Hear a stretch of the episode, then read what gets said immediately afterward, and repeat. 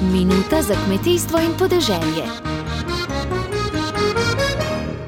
V petek bomo obeležili letošnji dan slovenske hrane. Naši otroci v vrtcih, osnovnih šolah in drugih vzgojno-izobraževalnih zavodih pa bodo deležni tradicionalnega slovenskega zajtrka, ki ga sestavljajo kos kruha namazan z maslom in medom, kozarec mleka in jabolko.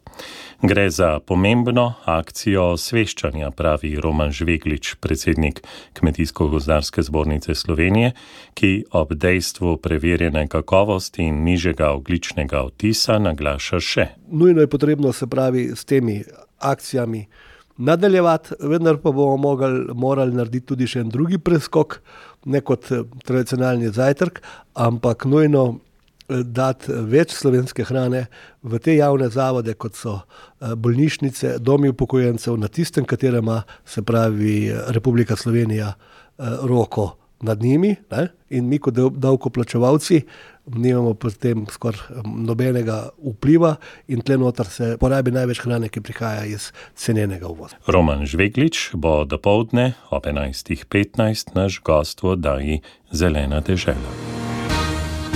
Dobro se je zavedati, kmetijstvo nas vse preživlja.